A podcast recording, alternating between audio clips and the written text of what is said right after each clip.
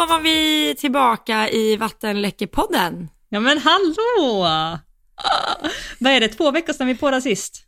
På riktigt? Ja, jag vet. Det är alldeles för länge sedan.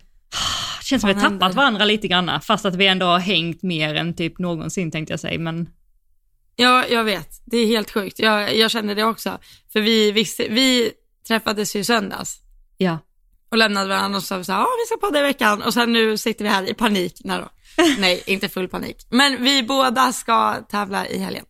Ja, Och, eh, ja. Och då blir det alltid lite så här. Man ska få ihop det. alltså för Men vi du, löser det. vad sa du? Men vi löser det. Så Ja men det är klart vi gör. Du var ju uppe tidigt i morse. Klockan var på. Klockan var på på inlägget. klockan, klockan var på. och det var inte så tidigt. Imorgon ska jag faktiskt vara uppe tidigare. För jag ska, måste rida två hästar innan vi ska åka på tävling. Åh nej, för de ska tävla i övermorgon eller? Ja, precis. Och det, alltså, jag måste bara fråga dig. Har du haft flera hästar någon gång? Och sen har du tagit med, du vill, du behöver verkligen tävla en häst, eller vill verkligen tävla en häst.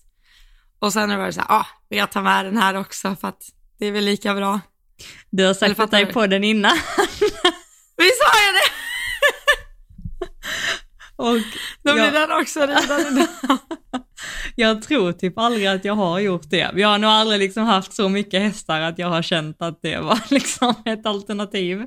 Nej, okej. Men du har gjort det, förstår jag. Ja, men det kanske är jättedumt. Nej, men jag hade ju gärna tävlat alla imorgon. Det är inte så att min plan är så, men det är fel klasser. Ja, precis. Men det är så här att det är, de har upp till 1,40 på den här tävlingen och, eh, eller 1,45, nej 1,40. Oj, det är också lite kul. Jag ska, ja, strunt samma. Eh, jag ska prata klart här. Eh, så de hade från 1,10, sen la de in en en meter i Mhm. efterhand. Så det var guld. Så då kan fyraåringarna som egentligen, ja, de är fem nu, men de får börja där de avslutade förra året. Just det, så då tog du med dem också ja. Mm. Du, innan Ja, vi fortsätter, kan inte du bara stänga av ditt wifi? Jo. Vi brukar göra det på det. Ibland för er som lyssnar så sitter vi ju, som ni vet, på olika ställen och facetimar. Och ibland så laggar det lite Ja. när vi pratar med wifi. Jag stängde av. Ja, det ja. ja men jättebra. Men du, vad- så du, har, du tävlar fredag, lördag och söndag. Hur många hästar och vilka klasser och hur mycket? Mm. Jag rider sju hästar. Från en meter till 1,40. Och jag ska, det är lite roligt, jag ska rida min, eller första först. Nej, jag har ridit det förut. Men eh, 1,40 är högsta klassen på den här tävlingen på helgen. 1,45 brukar vara högsta klassen på den här tävlingen. Men nu är det 1,40 vilket betyder att det är en winning round. Nej, vad 1,40. Åh, oh, vad kul! Han var jättetaggad. Nej, vad roligt! Vad Eh, kul. sen då, Equisport? Eh, de brukar göra det. Så det kan hända att de gör det. Hej! ja kanske. I så fall vet jag vad jag ska göra på söndag. Men det står inte i Equip. Då brukar det stå i Equip att så här, Equisport sänder. mm. Jag har inte sett det. Men eh, ja. We'll see. Ja. Hur många hästar ska du tävla i helgen? Vilka hästar? Var? Eh, ba, eh, Kalle och Fia ska gå. mm. Och eh, jag har bara tävlat, eh, ja men i och med att vi inte hade något avsnitt förra och förra igen, alltså med våra catch-up så har jag nog inte sagt, men jag har gjort min årsdebut för året och jag var i Ängelholm för två veckor sedan. Och det var också en så här rolig grej för att jag har varit och tränat några gånger sedan jag kom hem från Thailand. För eh, Linnea så har inte hästarna känts så här helt eh, kanon, inte som när jag slutade året liksom, av naturliga anledningar såklart. De har haft lite vila, jag har haft andra ryttare på och sådär. Men eh, så kändes det ganska okej, så jag, var, jag, jag ville tävla. Och så frågar jag alltid Linnea så, ja men vad ska jag tävla för höjd och, och vad ska vi ta för klasser? Just ja. Och så hon bara så, ja, ehm, 1,15 med båda, typ så. Jag, så var jag så här bara rakt in i en 1,15 med båda, med Fia också. Hon bara ja. Så jag bara what? Jag vet, så här, för mig, alltså det här, varför jag berättar det här är för att jag har en så skev uppfattning. För för mig var det så här, okej jag ska börja på 1,10 igen, jag ska göra mina lugna runder och du vet så här, hon är på Ja. mig att verkligen säga, okay, men nu är det dags att liksom shape up. Och när jag, eh, jag berättade ju i förra podden att jag har mått lite sämre sen jag kom hem från Thailand för jag fick corona, så har jag liksom inte varit med riktigt mentalt. Så att jag hade liksom inte mm. jättemycket höga tankar om mig själv innan jag skulle tävla. Så det var väldigt så här, gud hur ska jag klara av att rida de här 1,15 på de här hästarna? Men det är också så fantastiskt för att när jag kom dit så var hästarna helt magiska, de här 1,15 kändes som, alltså det kändes så enkelt och eh, det är bara så kul hur man kan ha en sån skev uppfattning om sig själv och sen bara gå in och leverera och göra det så enkelt, för det gav mig så otroligt mycket självförtroende och ännu mer typ tillit till min tränare, för att vi har inte, jag har inte haft henne som tränare så länge. Så att mm. jag, det tar också lite tid innan man får upp förtroendet, men liksom att jag verkligen kan lita på det hon säger och att jag vågar göra det hon bad mig om, fast att det inte kändes hundra mm. själv. Så det var skitkul, faktiskt. Uh, Grymt. Ja, så nu blir det andra tävlingen. Och vad rider du i helgen? Nu rider jag 1,20 med båda hästarna första dagen och sen andra mm. dagen så kommer jag hoppa 1,25 eller 1,15.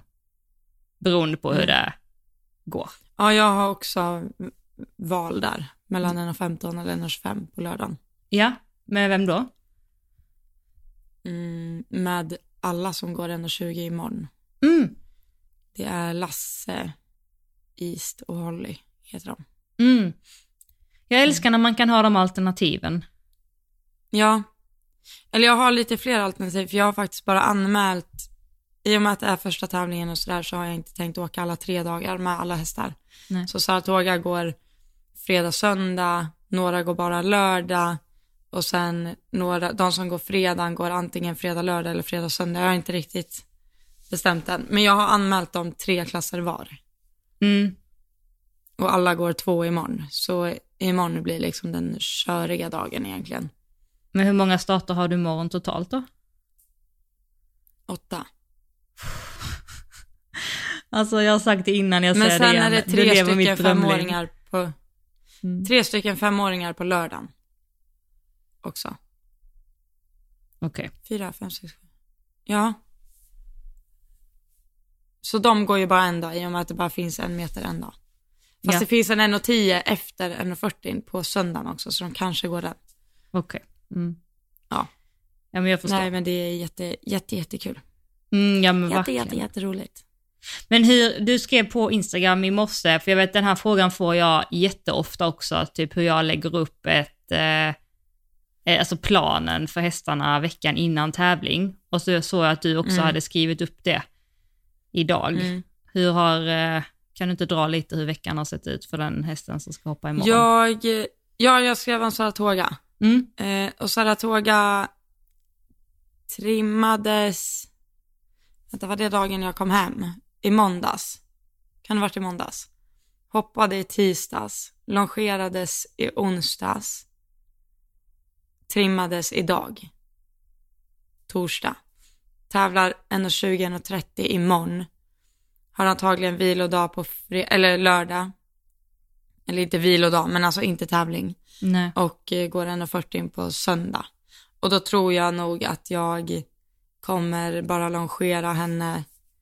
Eh, jag ska alltså longera och rida eh, lördag, söndag, men jag vet inte än om jag vill jag har inte gjort det här upplägget förut med henne. Så jag vet inte om jag vill longera lördag, rida söndag morgon mm. eller rida lördag, longera söndag morgon. Vi får se. Ja. Mm. Det beror lite på hur starterna ser ut på lördagen också. Ja. Och söndagen, du... vad jag har tid för. Ja, precis. Och det är, man får utforska lite ju. Alltså hur, mm. eh, vad man tycker funkar. Precis. Det tar ju lite tid innan man hittar upplägget. Mm. Jag har gjort så Jag vill liksom inte känna, eller hur tänker du om du typ ska rida en klass, eller om du har tävlat en hel om du har tävlat flera klasser på en helg. Jag vill typ inte känna att jag vill så här trimma hästen innan start, fattar du? Då vill jag hellre ha ridit den på morgonen och som jag rider på eftermiddagen så vill jag bara värma upp den, hoppa några språng och sen gå in. Eller mm. fattar du vad jag menar? Mm. Alltså istället den... för att rida fram längre på eftermiddagen menar du? Mm. Eller? Mm. Ja, eller förstår du, jag vill liksom vara säker på att allt sitter. Eller förstår du vad jag menar? Mm, fattar. Alltså det, det är man ju ändå, men jag vet det, med min Rodney som jag hade förut, den eh, hästen jag red 1,40 på som junior, då sa alltid hans gamla ägare till mig att rid han typ tre, två, tre timmar innan klassen och då trimmar du. Och sen när du väl ska hoppa fram, då ser du bara till att du liksom galopperar fram han loose och sen hoppar fram honom. Liksom. Mm. Då kändes han som bäst. Mm. Intressant. Jag har faktiskt inte hamnat i situationer med de här två hästarna att jag har trimmat eller ridit samma dag. Som, eh, jo när jag fick Kalle så longer, longerade jag på morgonen innan jag åkte på tävlingarna. Men eh, jag red inte. Men Fia skulle jag kunna tänka mig är en sån häst, du vet när hon börjar gå lite större och vi kanske är ute och ligger över och så att jag kan trimma henne på morgonen. Cassie tror jag absolut är en sån häst. Hon har så otroligt mycket blod och bara få ut lite kan hjälpa. Jag var på öppen bana med henne förra veckan för Ja, första gången. Och då gjorde jag så, eh, jag tror vi pratade om det i pod- podden också, hur vi gör när vi tar ut hästarna första gången.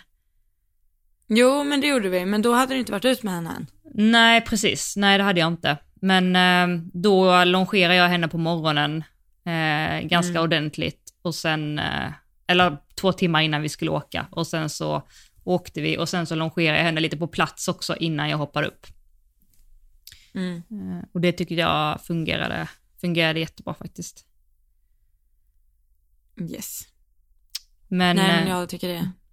Det blir faktiskt en enorm skillnad ja, om de får bara, det, ja, nej men det har vi redan gjort ett helt poddavsnitt om. ja, Det är väl typ två eller tre avsnitt. jag tror det. vi pratade Ja. mycket om det. Behöver inte gå in på det igen. Men jag, idag gjorde jag en, eh, en ny grej med Fia dagen, så här dagen innan tävling, för jag var Mm. hoppträna i måndags, i och med att jag skulle rida redan på fredag nu, så vill jag inte hoppträna ordentligt liksom på torsdagen, Mm. i och med att hon skulle gå flera klasser och sådär. Så jag hopptränade i måndags och sen så har vi lite eh, utmaningar med trekombination, så vi hade trekombination där. Det, det som är svårt med henne är att hon tar dig, eh, alltså du vet, när tåget går så går tåget liksom och du kommer in Mm. och sen finns det inga, ingen väg ut. Alltså om du skulle vilja styra ut så går det inte. Om du skulle vilja bromsa så går det inte liksom.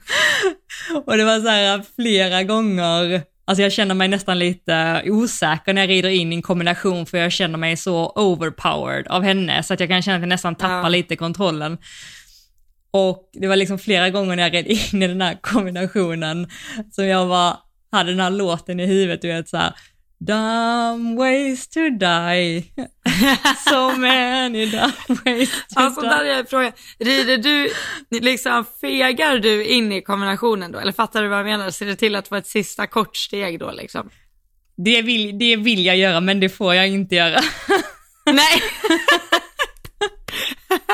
jag vet, eh, exakt likadant. Jag hade en elev som hoppade idag.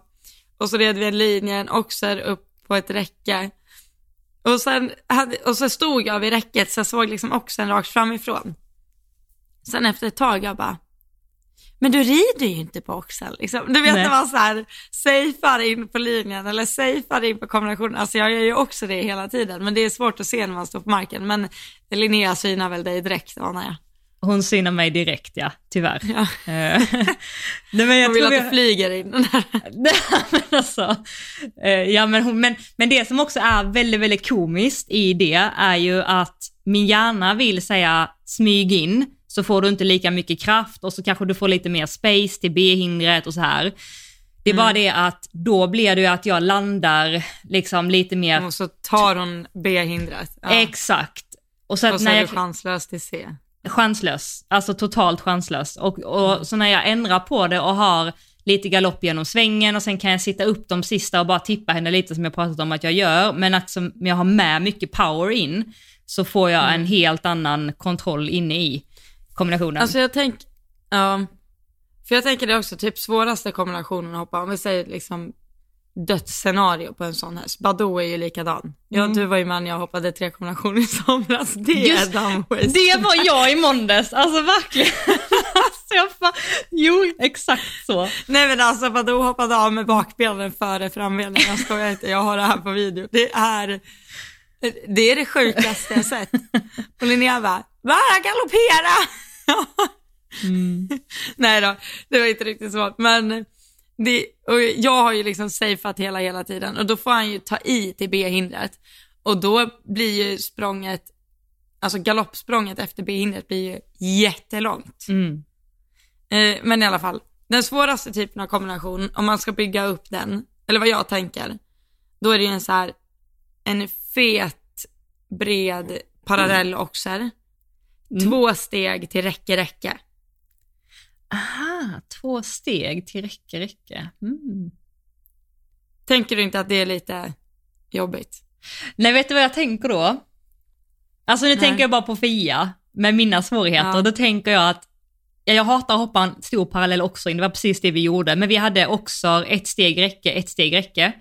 Men om jag tänker mig att jag skulle ha två steg där så hade jag känt så här, åh gud vad bra, då har jag ett steg till att liksom hänga henne i huvudet tänkte jag säga. Men alltså vet att verkligen så här komma tillbaka. Okej, nej men ett steg också.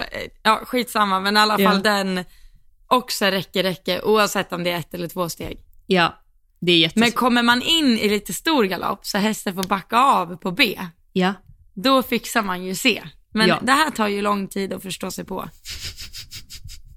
Huvudet säger ju att man ska göra så. Sen när man vänder upp där, då säger kroppen något helt annat. Och så är det mm, plocksallad hela vägen fram liksom. Sallad. ja. ja, men det är Då går verkligen jag så. där i minibaren, tänkte jag säga. Nej, men det är Ja. ju, man behöver verkligen eh, tänka till hur man ska rida och vara konsekvent eh, på väg in där. Eh, faktiskt. Och jag upplever också där, det har vi pratat om tidigare, du är mycket, du är mycket starkare som ryttare, du har starkare position än jag. Eh, jag är lite så här, har svårt i landningarna att vara snabb tillbaka, typ. Så att Linnea kallar mig att jag är liksom en ragdoll. Att jag liksom så här äh, flyger alltså överallt. Och det blir ju också att om du landar i en kombination ur balans och sen så har du liksom ett halvt galoppsprång, eller ett galoppsprång blir det ju, innan du ska upp och du är inte med i tajmingen där, alltså då blir det ju ännu svårare att kunna ge hästen Ja. den supporten den behöver. Och för mig handlar det inte, det handlar inte om styrka på något sätt, det handlar bara om ren timing liksom. Mm. Men då skulle jag i alla fall idag hoppa igenom en trekombination eh, dagen innan, alltså bara någon enstaka gång sådär. Eh, och då, ehm, ja, det var det jag ville komma till, att jag gjorde ett annorlunda upplägg idag, att jag skulle hoppa igenom den. Eh, och då märkte jag att det jobbet vi hade gjort i måndags eh, faktiskt eh, eh, resulterade i att det kändes mycket enklare i kombinationerna idag. Plus att min position var bättre, jag kunde vara kvar, jag kunde ha kontakt hela vägen och hon backade av eh, mer på slutet. Ja, jag vet inte, men jag ville bara, det var det jag skulle säga att jag hade ett annorlunda upplägg på tal om det. Ja. Så att eh, det är det vi har framför oss. Men annars, har det hänt något annat i ditt liv sista tiden som är värt att nämnas? Mm. Jag har ridit min nya häst. Just det. För jag eh, red ju den veckan efter jag fick hem honom. Och insåg att oj då. Mm, det fanns en anledning till varför den kostade som den kostade, gjorde, så att säga. eh, och sen har jag arbetat honom från marken enbart. Alltså tömkört, lösgalopperat, longerat, hoppat studs på lina, alltså allt sånt. Eh, så nu har jag ridit han två gånger efter allt markjobb då. Mm. Eh, galopperat åt båda varv, galopperat bommar igår. Mm. Eh, så det, det kan nog bli något. Men han är otroligt balanserad i korsgalopp måste jag säga. han Det har är visat. ja, helt fenomenal.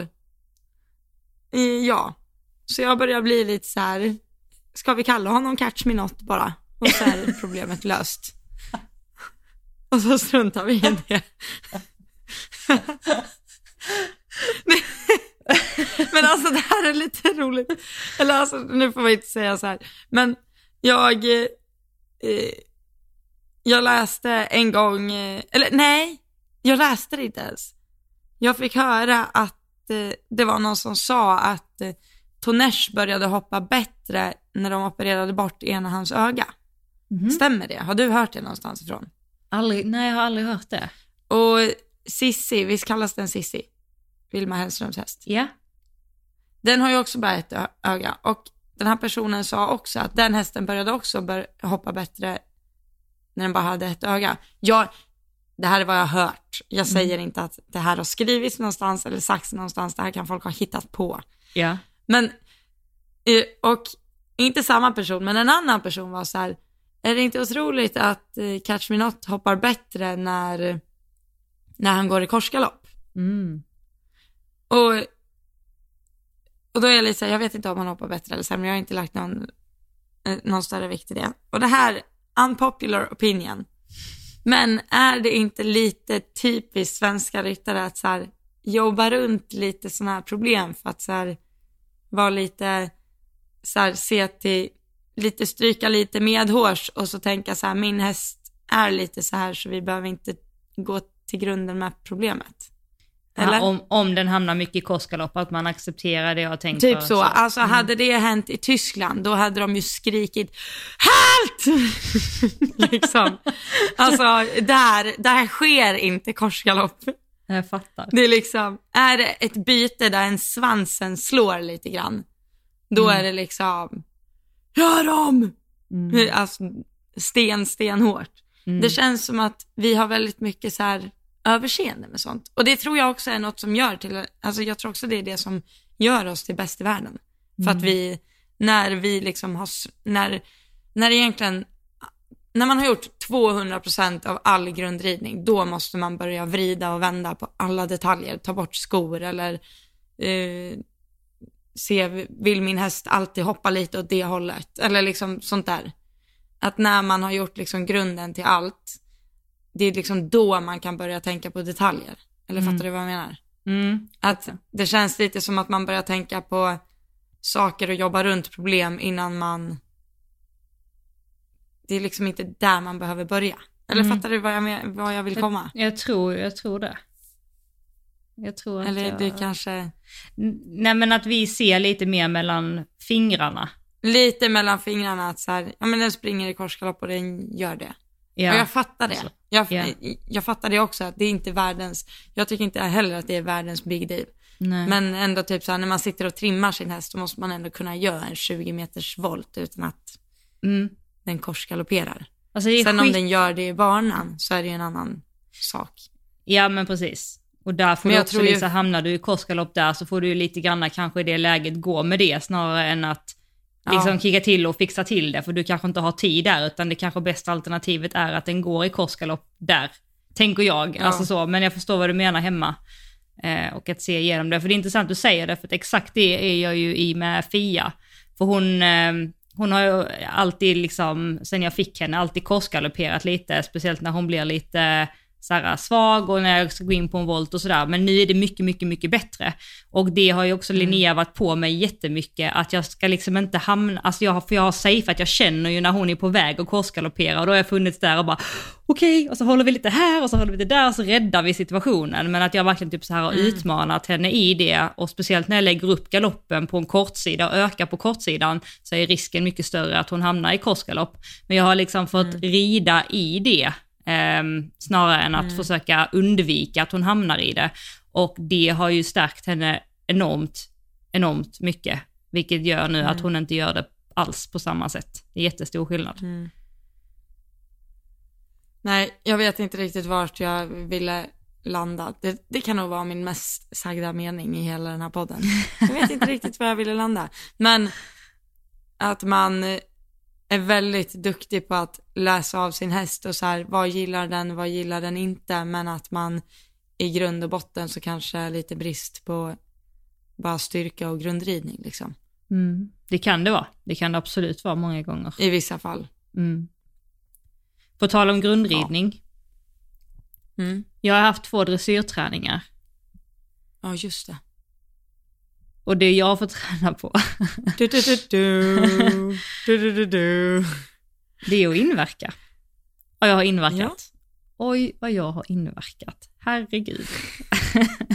Nej men vet Du, du, jag har inverkat så jag träningsvärk i hela kroppen. Nej, Ja, det har jag. Alltså jag har träningsvärk på ställen där jag eh, inte trodde det var möjligt. Och eh, någonting som jag har nu börjat sätta fingret på, eh, är att jag, vi pratar om det här ju, du och jag i Göteborg, att jag Ja. sitter ju i sadeln lite mer på min snippis snarare än på mitt, alltså mitt asshole. Och jag är tvärtom. och du sitter mer på din liksom, ja, ditt Ja. asshole liksom. Eh, varför jag säger asshole, det är för att det var så kul, för jag var på en klinik med Katrin Dufour och då sa hon när hon hade träning för Johanna de Boye, att you should, you should sit on your asshole. och då tyckte jag det var så jävla kul, för det är så här, bokstavligen i typ det man kan tänka att man ska göra. Alltså, du vet så här, sitt på det liksom.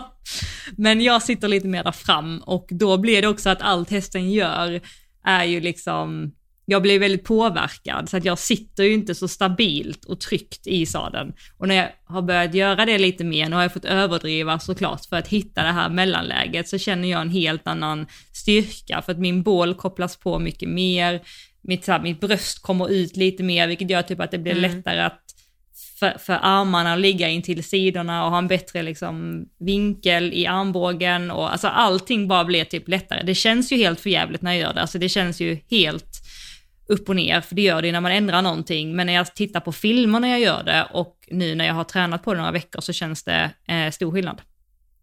Faktiskt. Bra. Så det är vad jag har gjort. Frågor på det? Det är vad du har gjort. Jag ser ju fortfarande inte dig som att du har en svag sits, men ja. Nej, jag vet. Och det är ju jättebra. Du bara, det är jättebra att det ser ut så. Det, det är jättebra att det inte ser ut som att jag har en svag sits. Men det är det jag har. Det är därför jag kommer, har kommit undan, det är därför jag kommer undan så mycket. Alltså för att det ser bra ut, men bakom det, det är bara en fasad. Alltså, det är liksom bara ett skal. bara en fasad. Nej men, det förstår jag menar jag. Men jag, nu känner jag liksom att när jag har hittat det lite mer med sitsen, så blir det också lättare för mig att vara mer konsekvent i de besluten jag tar på banan. För att exempelvis med Kalle så behöver jag ha en lite tuffare skänkel, jag måste kunna liksom inverka, rida honom framåt utan att jag, hela jag rör mig, utan jag behöver, som skänkeln behöver driva honom framåt. Så det har blivit lättare, jag känner mig starkare där, mer konsekvent. Mm. Och sen också när jag behöver tvärtom med Fia så behöver jag liksom tippa henne lite, jag behöver oftast få ihop henne och hålla ut avsprångspunkten lite med hjälp av min kropp och liksom sitta tillbaka och så. Och det känns också mycket lättare. Eh, för då går jag inte lika mycket fram Mm. över livet utan jag sitter mer upprätt så att säga. Så att jag kan själv vara i eh, balans innan hindret så att säga. Mm. Ja. Alltså, på tal om det här med avsprångspunkt. Såg du videon Andrea Brandt la ut på Instagram? Avsprångspunkt, vadå? Vilken? Vilken? Det var ingen avsprångspunkt, det var, det var en sån här flygbana. Det Exakt. är, du bara lyfter. Sen landar du någon gång i övermorgon. Exakt. Ja, herregud. Nej men alltså, nu, nu hoppade inte jag sån flat out, men jag tänkte det, det är bra att galoppera lite och göra ett hinder som står väldigt långt bort från en sväng. Mm. Så jag ställer dem liksom in i hörn verkligen, eller hela långsidan ner. För så står ju liksom ettan ibland på tävling. Beskriv vad du menar att det står. Ah, att man kommer med en lång diagonal och så står ettan Ja, långt ner mot hörnet. Exakt. Mm. Så som ettan stod i världscupen till exempel. Eller var det i världscupen ettan stod? Nej det var det inte. Det var Andreas klass, ettan stod sådär jättelångt bort. Ah, okej. Jättelång väg. Ja, Mm. just Men det. i alla fall. Mm. Eh, 1.55 på lördagen. Ja, strunt samma. Det var inte den jag red, jag hoppade hemma. Eh, så när man galopperar en sådär lång distans, jag har liksom insett nu hur jag måste tänka när jag gör det. När jag ser min distans, då måste distansen kännas som att den är så långt bort så det är down ways to die. Så lång. Alltså så, Att du har så stor distans away. menar du? Att du ska rida Ja. en stor distans? Mm. då blir det lagom. Exakt så kan jag också tänka. Ja, för är den, alltså är den, känns den normal, då blir den ju För nära. liksom, då nosar jag ju på markbommen Mm. när jag är där framme. Mm. Så den måste ju vara så far, far, far away. Mm. Ja, Då blir det bra. då blir det perfekt. Mm. Men så rider jag ju inte på hinder ur en sväng. Då känns det bara normalt hela tiden liksom. Och så blir det normalt. Mm. Det är för att du får korta, du har ju inte så många galoppsprång till hindret att ha koll över. Du har ju Nej. typ kontroll på de fyra galoppsprången du har. Alltså de är rätt så lätta att Mm. hålla jämna och du vet att här har jag dem. Men på en lång distans så kan du ju ha typ 10 galoppsprång och det är ju ganska långt. Det kan hända mycket på de 10 också tänker jag. Ja.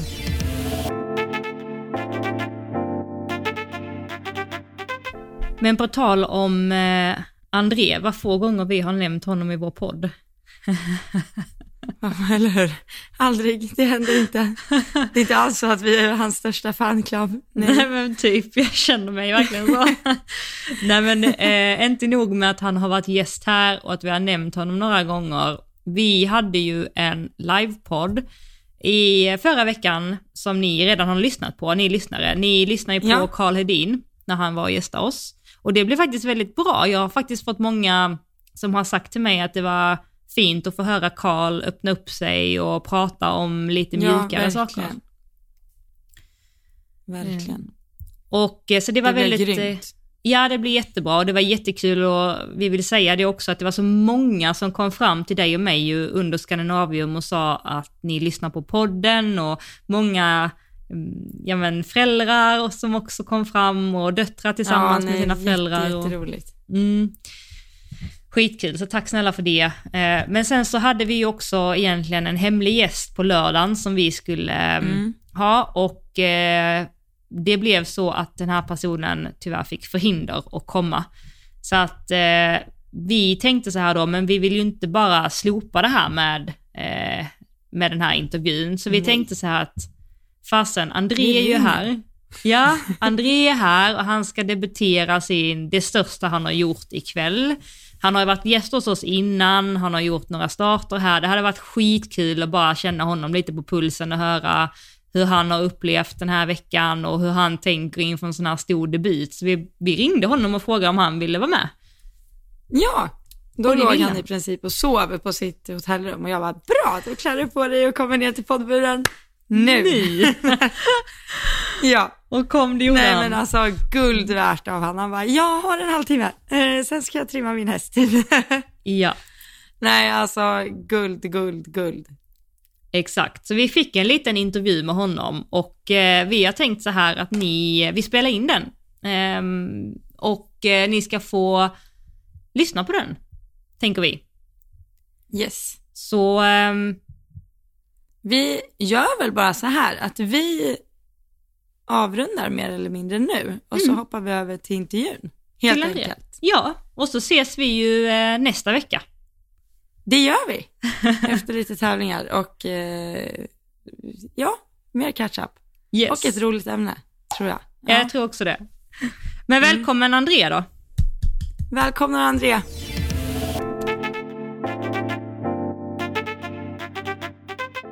Jajamensan! Herregud, nu sitter vi här inne och myser i buren jag och Elsa och vi har fått med oss en gäst. Säg välkomna till André Brandt. En liten applåd. Välkommen hit! Tack så mycket. Gud vad kul att du ville komma hit. Jättekul. Väldigt spontant och kul. Väldigt spontant. Alltså jag ringde ju André för tio minuter sedan och eh, vill du rädda oss? Nej men det är inte bara därför vi tänkte att det här hade blivit väldigt perfekt utan du tävlar ju här. Ja, i det helgen. stämmer. Ja. För er som inte känner till André så rider André, eh, du är Y25-ryttare och har kommit hit eh, med Lövsta eh, och fått möjligheten att rida de här klasserna genom att du har samlat poäng ju i, eh, under hösten och vintern.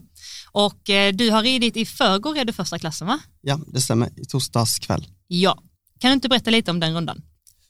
Det var en ganska bra uppvärmningsrunda tycker jag. Vi hoppade en 1.45-klass eh, och han kändes väldigt avslappnad och det kändes som att han bara gick in på banan och gjorde det väldigt bra. Eh, fördelen här var att vi fick eh, komma in två dagar tidigare och bara trimma inne på banan, vilket för min häst var väldigt bra. För den kan bli lite spänd första klassen. Så redan första klassen så kändes den väldigt avslappnad och gjorde det bara väldigt bra och bara egentligen skolade runt lite eh, första dagen. Mm. Kan vi, för jag pratade med dig efteråt där, eh, för du rev ju en också i högervarv, visst var det på bruten linje? Ja, exakt. Ja, så sa du så här, fasen jag hade inte tillräckligt mycket innerskänkel. Jo, jag hade innerskänkeln innan men inte över.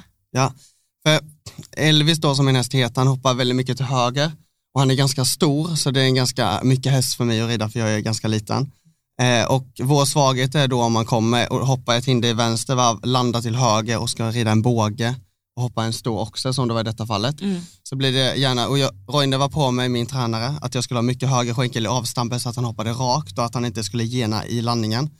Och jag hade mycket skänkel på när han hoppade av, eh, men sen blev det att jag tappade skänkeln och tappade positionen lite i språnget. Så blev det så att han vek sig ner till höger och då fick vi bak på mig på det hindret. Mm. Kände du där och då att fasen nu kommer jag ha det ner? Eller var det efterhand bara fasen jag skulle haft mer innerskänkel? Eh, Jag kände när jag i avstampet att nu kan vi få bak på mig. Mm. Eh, och sen så gick han ännu mer till höger än vad jag trodde. Så jag skulle vara ännu lite mer konsekvent på mig själv och verkligen rida hindret och rida det ännu mer rakt än Mm. vad det egentligen skulle ridas, även att det stod på en liten båge. Just det. För vi Men- sa ju det när vi satt och tittade igår, att det upplevs ju från läktaren som att det är väldigt tajt. Hindren kommer ju väldigt, väldigt fort. Otroligt fort. Ja. Otroligt fort. Och sen hoppar man så himla alltså, nära sargen. Man landar ju två språng på vissa hinder ifrån sargen och då blir det att de drar sig lite tillbaka för att de vill göra space och de vill inte hoppa in i publiken eller in i sargen. Eh, Så då får man supporta dem ännu lite till och försöka bara verkligen, verkligen hoppa rakt när man hoppar på böjda spår mot eh, läktaren. Mm. Ja, exakt. Men eh, du red ju en runda igår också Ja. eh, och jag pratade ju med dig efter den. Ja. Och det första jag sa var att det såg så himla naturligt ut. Det var ju en 1,50 A0 Ja. igår. Hur kändes den? Alltså det kändes faktiskt, faktiskt väldigt, väldigt bra. Det var nog den mest mjuka, eh, följsamma 1,50-rundan jag ridit någonsin i hela mitt liv tror jag. Och du gör Ja. det inne på Skandinavium. Ja, jag var helt, när jag kom ut var jag helt lyrisk, jag var helt eh, typ gråtfärdig för att det kändes så himla bra. Eh, och Ja. jag tror det var för att jag hade en sån extremt bra plan Mm. och jag och har gått igenom banan i min, alltså, vi hade verkligen alltså, byggt, alltså, brutit ner banan och verkligen ridit tillsammans alla galoppsprång innan jag gick in på banan bara för att vi visste att det skulle bli svårt, det var stort och det var det högsta både jag och min häst hoppat någonsin. Mm. Eh, och jag tror den planen vi hade och att vi var så säkra på galoppsprången emellan hindren Mm. som gjorde att det blev så himla följsamt och bra. Mm. Eh, men sen ska man ju lyckas göra prestationen inne på Skandinavium, men det är ju mer den mentala biten. Mm. Ja. Hur kändes den då? Har du känt att du har varit påverkad av att det är Skandinavium, det var fullsatta läktare, du ska göra det största du har gjort?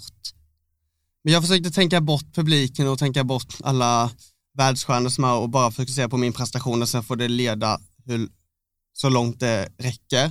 Så för första gången nu i efterhand när jag verkligen bröt ner alltihop efter när jag var på hotellrummet sen på kvällen så tänkte jag på det, alla andra gånger på banan brukar jag vara lite flamsig, lite tramsig eller bara vara lite så här, oh där skrattar någon förbi eller där gick någon, men nu var det så för jag fick en fråga av en reporter som sa, vad tänkte du innan du gick på banan?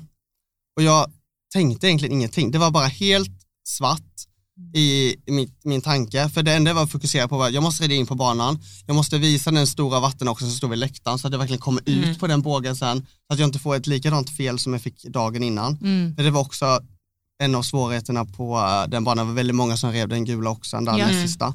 Så jag tänkte jag måste rida fram till den, göra en liten volt där, rida ut och verkligen komma ut hela vägen till sargen så att han inte drar sig lite inåt om man får bakbommen eller att man får, man får forcera lite och få fram bommen i uppsprånget. Mm. Men då blir det lite så här eh, en eh, ny eh, känsla för dig att få det fokuset. Ja. Alltså innan du går in. Så kommer du liksom ta med dig det till andra tävlingar? Det Att kommer jag bli- definitivt ta med mig. Ja. För det kändes så himla bara skönt och vara liksom bara så fokuserad på det och inte ha massa tankar typ hur ska jag rida den linjen, hur ska jag si eller så, utan bara fokusera på vad är det första du gör ska jag när jag kommer in på banan. Exakt. Jag tror också så här, för att du har ju så otrolig känsla, det pratar vi om. Mm. Andrea har ju varit, för er som inte vet så har Andrea varit gäst tidigare hos oss. Eh, du har ju sån otrolig känsla, alltså allting går ju på feeling så att du behöver kanske inte ibland alltid tänka och sådär Ja. eller så. Så du kommer undan mycket med att kunna kanske vara lite flamsig eller titta lite så här innan du går in på banan, du löser det ändå. Men det som jag tycker är så sjukt intressant är hur du kan höja dig själv bara genom att bli så jäkla upptagen med dina uppgifter och verkligen gå igenom dem och att det ger den effekten. För det är mycket det jag jobbar med också när jag jobbar med mina klienter, att bara sätta en plan och verkligen veta exakt vad man ska göra, när man ska göra det, hur man ska göra det. Och så blir fokuset mer som en bonus. Det är inte så att man går in och tänker jag ska vara fokuserad, utan det blir så för att man är upptagen med någonting. Ja, och det var typ lite så jag kände att innan var, när jag gick till banan alla andra gånger, så har det varit fokus på hur jag ska rida banan och hur jag ska göra prestationen så bra som möjligt. Medans igår då, som jag tänkte på efter, jag tänkte inte på det där och då, det var mer att jag la fokuset när jag gick in på banan på vad är det första jag ska göra på banan Ja. och inte lägga fokuset på rida linjerna för de hade vi redan diskuterat och gått Mm. igenom hur jag skulle rida så där hade jag redan en plan på. Mm. Utan då var jag mer fokuserad på vad är det första jag ska göra. Ja. Men i vanliga fall då, vad brukar du tänka då? då? Men då brukar jag mer tänka typ, nu är det lite svårighet där så jag måste verkligen tänka på att komma ut lite på bågen eller lite innebåge eller, alltså Mm. mer fokuset på själva eh, banan och linjerna. Mm. Men nu låg fokuset mer på eh, att komma in, alltså det så fort du blir jag skulle insläppt, göra. jag går in, jag, jag galopperar in till höger eller jag Ja, travar in till exakt. vänster eller jag skrittar Mm. rakt och visa det och göra det och sen Mm. får det andra komma sen. Mm. Ja. Och det funkade väldigt bra för mig, men det är inte säkert att det funkar för alla. Nej.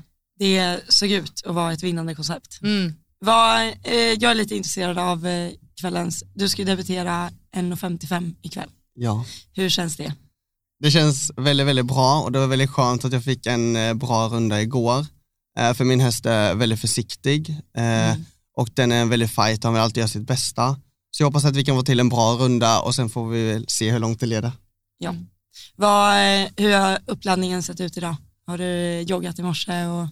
Eh, nej, jag faktiskt, den här hästen är som sagt väldigt stor och det är en väldigt eh, eh, pigg häst och väldigt mycket kraft i honom. Så jag brukar välja att, när jag är på så här meeting, att jag brukar trimma han ungefär två timmar innan jag ska tävla. Så det är ganska snart alltså? Eh, så jag ska, när jag ska trimma han vid typ sju till ja, halv åtta ungefär. Mm. Eh, och sen får han paus i cirka en timme och 45 minuter. Mm. Eh, och sen värmer upp han inför klassen. Mm. Okej. Men jag tänker på så här eh, utöver idag och bara Elvis och sådär, har du alltid samma system på dina hästar när det kommer när, tillbaka till när du går in på banan, du vet innan du fattar galopp och kommer på ettan, typ så här att du alltid byter galopp eller alltid vill ha en långsida eller har du något system där? Eller tar du det på feeling? Ofta, oftast, brukar jag, oftast brukar jag ett galoppombyte, men sen kommer mina filosofo, filosofiska tankar in så tänker jag om det har gått dåligt i galoppombyte, då gör jag inte galoppombyte på den tredje hästen om jag har kanske sex starter på samma dag. Så då, gör jag, då skiter jag i galoppombytet. Men jag brukar alltid, för det är ganska nice att göra ett galoppombyte för då kommer man verkligen igång i galoppen. galoppen Mm. och så har man liksom galoppen med sig i första svängen. Ja. För jag tror det viktigaste är när man, eh, för att komma in i ett bra flyt i banan så tror jag det är väldigt viktigt att man har en bra galopp i första svängen till första Ja. hindret. Så man inte kommer på i svängen till första hindret, oj nu måste, skulle jag ha bra galopp här. Mm. Mm. För då tappar man det direkt, för då måste man rida lite framåt och då har man redan tappat rytmen och balansen och den här jämna nice, niceheten. Ja, men det var, eh, vi pratade om det, om galoppen igår också. Och du sa det från, eh, det var en trippelbär till ett räcke i kombination och sen var det 30 meter Ja, ut på en oxer som du gjorde på sex steg, ja. eller hur? Ja, och det här är 30 vi meter. pratat om i podden förut, hur många meter man kan göra sex steg på. Och Men det- då får man lite så här, då får man lite uppfattning om hur mycket galopp som krävs för att rida svårhoppning. Ja. och det var ju egentligen ganska, alltså ett naturligt avstånd. Så till exempel igår hade de då mellan 3 till 4 hade de 26,5 meter och sen mellan 4 och 5 hade de 20 meter. Det är fyra steg för oss. Mm. Så man måste förstå hur stor galopp man måste, ha Mm. och då förstår man hur stor galopp man måste jobba i hemma med hästen så man inte bara sitter Ja. och gör rider korta, korta steg hemma hela tiden. För att man måste kunna spänna bågen de stora stegen så man kan inte Ja. bara galoppera på och att de blir flat out för då får Nej, man ett nedslag. Man måste kunna spänna bågen i den stora galoppen. Mm. Det är det som är det svåra. Men hur, hur vet du att du har rätt galopp innan du kommer på ettan? Alltså är det någonting i din kropp som säger bara så här, jag har det, eller gör du typ en liten, eh, så här, tänker du, nu är det bra, nu behöver jag nog lite mer, nu behöver jag lite mindre. Alltså det är nog av erfarenhet, Mm. eh, skulle jag säga. Men det är många gånger man har failat och fått ner sig på bakbommen för att man har haft lite dålig galopp eller så, men det, jag tror bara det är en känsla och det är någonting som man bara lär sig. Och ju mer man känner hästen desto mer känns det som att man bara har typ koll på vad den optimala galoppen Mm. är. Mm. Men eh, med det här med sex steg, Ja. i Borås Grand Prix för två veckor sedan, Ja. då gjorde jag ju sex steg på 34 meter. Ja. Va? What Så då kändes sex steg på 30 meter väldigt enkelt. Åh herregud. Ja, du vann ju också Borås Grand Prix Ja. innan du åkte hit. Hur kändes det att ha den i ryggen innan du kommer hit? Ja, men det känns alltid såklart skönt att ha en bra runda i ryggen innan man kommer in på sådana här stora arena och ska fightas. Ja. Eh, allt som sagt är ju både för och nackdelar, men det kändes väldigt tryggt att ha det med i, Ja. i bagaget. Ja. Ja. Fantastisk prestation. jag frågade Karl, för Karl var gäst här igår. Ja. Eh, och så frågade jag honom när han rider sin ökade trav på Lukas, alltså i ett program, hur Mm. det kändes för honom i handen då. Alltså hur mycket har han i handen? Ja. Och då visade han mig och då fick jag en så här, oh, jäklar det var otroligt mycket. Eh, om jag skulle beskriva det kanske var alltså tre kilo, två och en halv. Alltså det var, det var väldigt mycket Ja. eller så här. Så jag skulle vilja att du tar mina händer nu och bara typ låtsas att jag är Elvis. Hur känns han mellan hinderna när han är som, Eller jag alltså, tänkte när du spänner bågen, är det inte där vi tänker? ja det kan jag också göra. Ja. Inte Nej. mitt i svängen utan Nej, Nej, jag jag spänner- ja. Men jag tror också generellt att dressyrryttare känns som att de har lite mer i handen ja, det tror jag också. än Ja. vad vi hoppryttare har. Men det är också Ja. intressant. Men, eh, ja. Jag skulle ändå vilja. Dra nu. Dra nu. Men jag tror typ att jag har kanske så. Det är inte mycket. Då är, Jag, jag har mer på Kalla så kan jag säga. men, men, och det har jag kanske på de flesta hästarna. Eh, men man vill ju försöka ha så lite hand, Mm. man vill ju försöka vara så oberoende av handen som möjligt. Sen ibland blir det lite så. Ja. Men, vad Men jag vad har vi här försöker ju vara- Kilo? För, alltså förklara för lyssnarna. Ja, men, ett. ja, max ett kilo. Max ett kilo tror jag. Ja, Mm. max.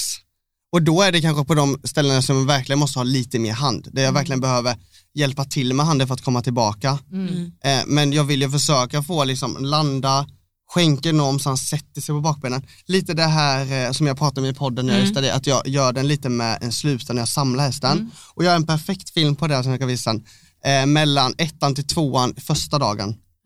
För då hoppar jag ettan och så var det sju steg lite balanserat Mm. eh, för min häst, sju steg kanske är normalt för en normal häst. Eh, och då kände jag bara, nu vill jag inte ha så mycket handen för jag vill inte få ett bakbensfel utan jag vill ha drivet framåt även om det blev en tillbaka distans. Mm. Så jag inte behövde bromsa på distansen. Och då landade jag på ettan, höll galoppen och sen gjorde jag en slu- då, gjorde, då fuskade jag. Då gjorde jag slutan hela vägen, då var det inte att det var en samling på rakspår. Då fuskade jag. Men det är okej att fuska. Men det fungerade Ja. Uppenbarligen. Inne på- fungerade så Inne på banan får man fuska. Ja, då är det det är sant. Ja. Det är sant, där får man fightas. Är det inställningen du går in med ikväll? Ja, Du kommer Fightas. fightas. jag ska fightas. Du ska fightas. Ja. Och eh, det är ju en eh, grund och omhoppning. Ja, det är en eh, jump-off-klass som det Yes. heter lite så fint. Ja. Och det kommer antagligen vara en lite trevlig maxtid och så. Så du ska Eh, hålla dig. i, innanför. igår var jag ju var jag 1400 delar inom maxtiden Mm. eh, och jag tror att det kommer vara kanske två sekunder mer tajtare maxtid idag än vad det var igår. Mm. Eh, men å andra sidan så gjorde jag kanske två extra steg i svängen till trekombinationen Ja. och en 3-4 till det här röda räcket. Mm. den plankan för jag kände att jag verkligen ville hoppa rakt så jag kunde hålla galoppen på de sex stegen så det inte blev att jag behövde bromsa eftersom jag har väldigt stor galopp. Mm. Eh, så jag tror idag behöver jag vara lite, lite snålare i svängarna vilket gör det ännu lite, lite svårare. Mm. Mm. Men eh, jag vill verkligen inte ha ett tidsfel. Nej. Så vi kommer få se krigar-André. Ja, krigande är på.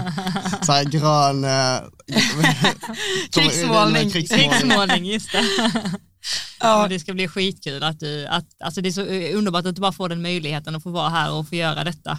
Det är så, jag. så lärorikt och det är så kul att få rida banan och inte bara gå banan utan faktiskt få För det, har du ridit med. här innan på yngre hästar? Jag har ridit här femåringar och sexåringar och sjuåringar som junior och young rider. Ja, du gjorde Mm. det också ja. Mm. Mm. Men jag har aldrig fått rida femstjärniga klassen innan. Nej. är det stor skillnad? Ja, det måste vara enorm skillnad att sitta bara på Jättestor. framhoppningen med alla världsryttare. Liksom. Jättestor skillnad och det är så intressant att se när man trimmar på morgonen eller nu i mitt fall jag trimmar på eftermiddagen. att se hur de trimmar sin hästar och Mm. vad de gör, om de gör mycket skolor eller om de bara ökar och minskar eller om de sitter i samma tempo. Mm. Men alltså alla rider verkligen i högt tempo, lågt tempo, högt tempo, det är jättemycket tempoväxlingar, Mm. Mm. eh, sidoförflyttningar och bara få dem liksom mellan hand och skänkel, att de följer, att de är där. Så att de hela tiden när man gör de här snabba omhoppningarna så ska de bara följa och liksom hålla galoppen i sväggen så att det inte blir att man får en, ett stopp i svängen bara för att man tar lite extra i högertygen eller Mm. att man lägger på lite extra ytterskänkel när man ska svänga så att de blir lite bockiga eller någonting utan att de bara Mm. håller Mata galoppen. på hela tiden. Mm. Yes. Shit. Ja men alltså Mm. gud vad roligt. Ja, nej men vi ska sitta bänkade ikväll. Vi kommer sitta bänkade och klassen börjar 21.00, eller hur? 03. Ja. 21.03. 21.03. Vilket startnummer har du? Jag är nummer 12. Nummer 12. Okej, hur många Yes. rider? Vet du det? Eh, Är det 30-tal det är eller 34 kanske. någonting Mm. sånt? Ja. Ja. ja men vad kul. Alltså skitkul att du ville komma hit. Tusen, Just det. tusen tack att Ja. du kunde hoppa in. Tack själva. Så himla roligt. Tack så mycket. Tack så mycket. Och tack alla ni som har lyssnat här ute också, ni är bäst.